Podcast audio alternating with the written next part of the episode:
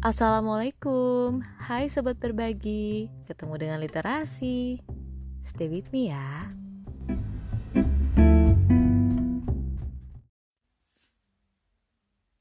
Hari ini aku mau bahas lagi tentang radio. Soalnya di episode sebelumnya yang berjudul Kekuatan Radio, ada hal yang tanda kutip nyasar. Kamu sadar nggak? Itu loh, pas aku ngebahas tentang daya tembus radio. Nih, coba aku puterin ya. Oke, kedua adalah daya tembus. Daya tembus ini karena radio tidak kenal jarak dan rintangan kayak hubungan LDR gitu ya ceritanya itu maksudnya itu kalau di dalam ruangan tertutup sekalipun ada tembok itu bisa tetap dengar radio kayak gitu. Kalau misalkan kita lagi nonton film gitu kan di TV di TV Tuh kan, ada TV. Maaf banget sobat berbagi. Soalnya hari itu aku coba untuk pakai pointer aja. Jadi mencoba untuk improvisasi bisa nggak? Ternyata masih nyasar.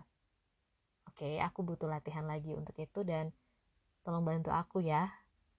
By the way, hari kamu apakah sudah mulai sibuk di pagi hari? Atau biasa-biasa aja? Insya Allah kita bisa ngelewatin masa-masa ini bersama ya. Berharapnya sih nggak akan terulang lagi. Amin.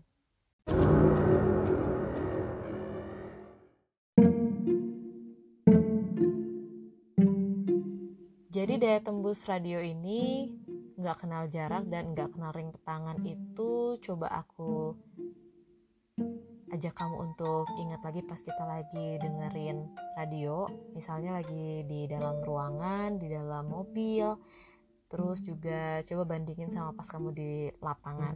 Itu sama-sama kedengeran ya, walaupun kadang ada waktu-waktu kayak di tempat tertentu gitu, kita dengernya kayak kemresek lah atau hilang muncul hilang muncul gitu. Tapi intinya tetap bisa ngedengerin.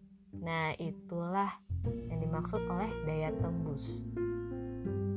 Nah, kalau itu ternyata gara-gara kita pakai FM. Sedangkan FM ini tempat yang paling banyak radio favorit kita gitu kan. Faktanya tentang FM ini dia nggak dipantulin oleh lapisan ionosfer, tapi dari pemancar ke penerima. Makanya, kalau kita pas lagi dengerin radio itu, terus ada tembok yang tinggi atau gedung tinggi bahkan pohon tinggi sekalipun itu bisa ngalangin dan bikin kita nggak denger jelas radionya. Bikin suaranya kemresek bahkan sampai nggak kedengeran. Kalau gelombang yang satu lagi ini bisa banget bener-bener ngelewatin rintangan karena dia itu dipantulin oleh lapisan ionosfer makanya bisa merambat ke medium di sekelilingnya namanya adalah gelombang AM Cuman jarang banget kan ya kita pakai AM, seringannya FM. Gimana dong? Ngomong-ngomong dari tadi aku nyebutin lapisan ionosfer. Kamu inget nggak lapisan ionosfer itu apa? Nih, coba aku bantu ingat lagi ya kalau kamu lupa. Lapisan ionosfer adalah bagian atmosfer yang terionisasi oleh radiasi matahari. Lapisan ini berperan dalam keelektrikan atmosfer dan ngebentuk batas lapis magnosfer.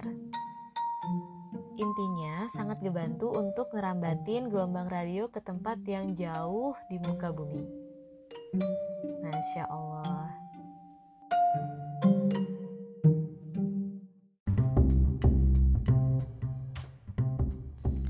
Terima kasih telah mendengarkan apa yang saya bagi dan semangat berbagi.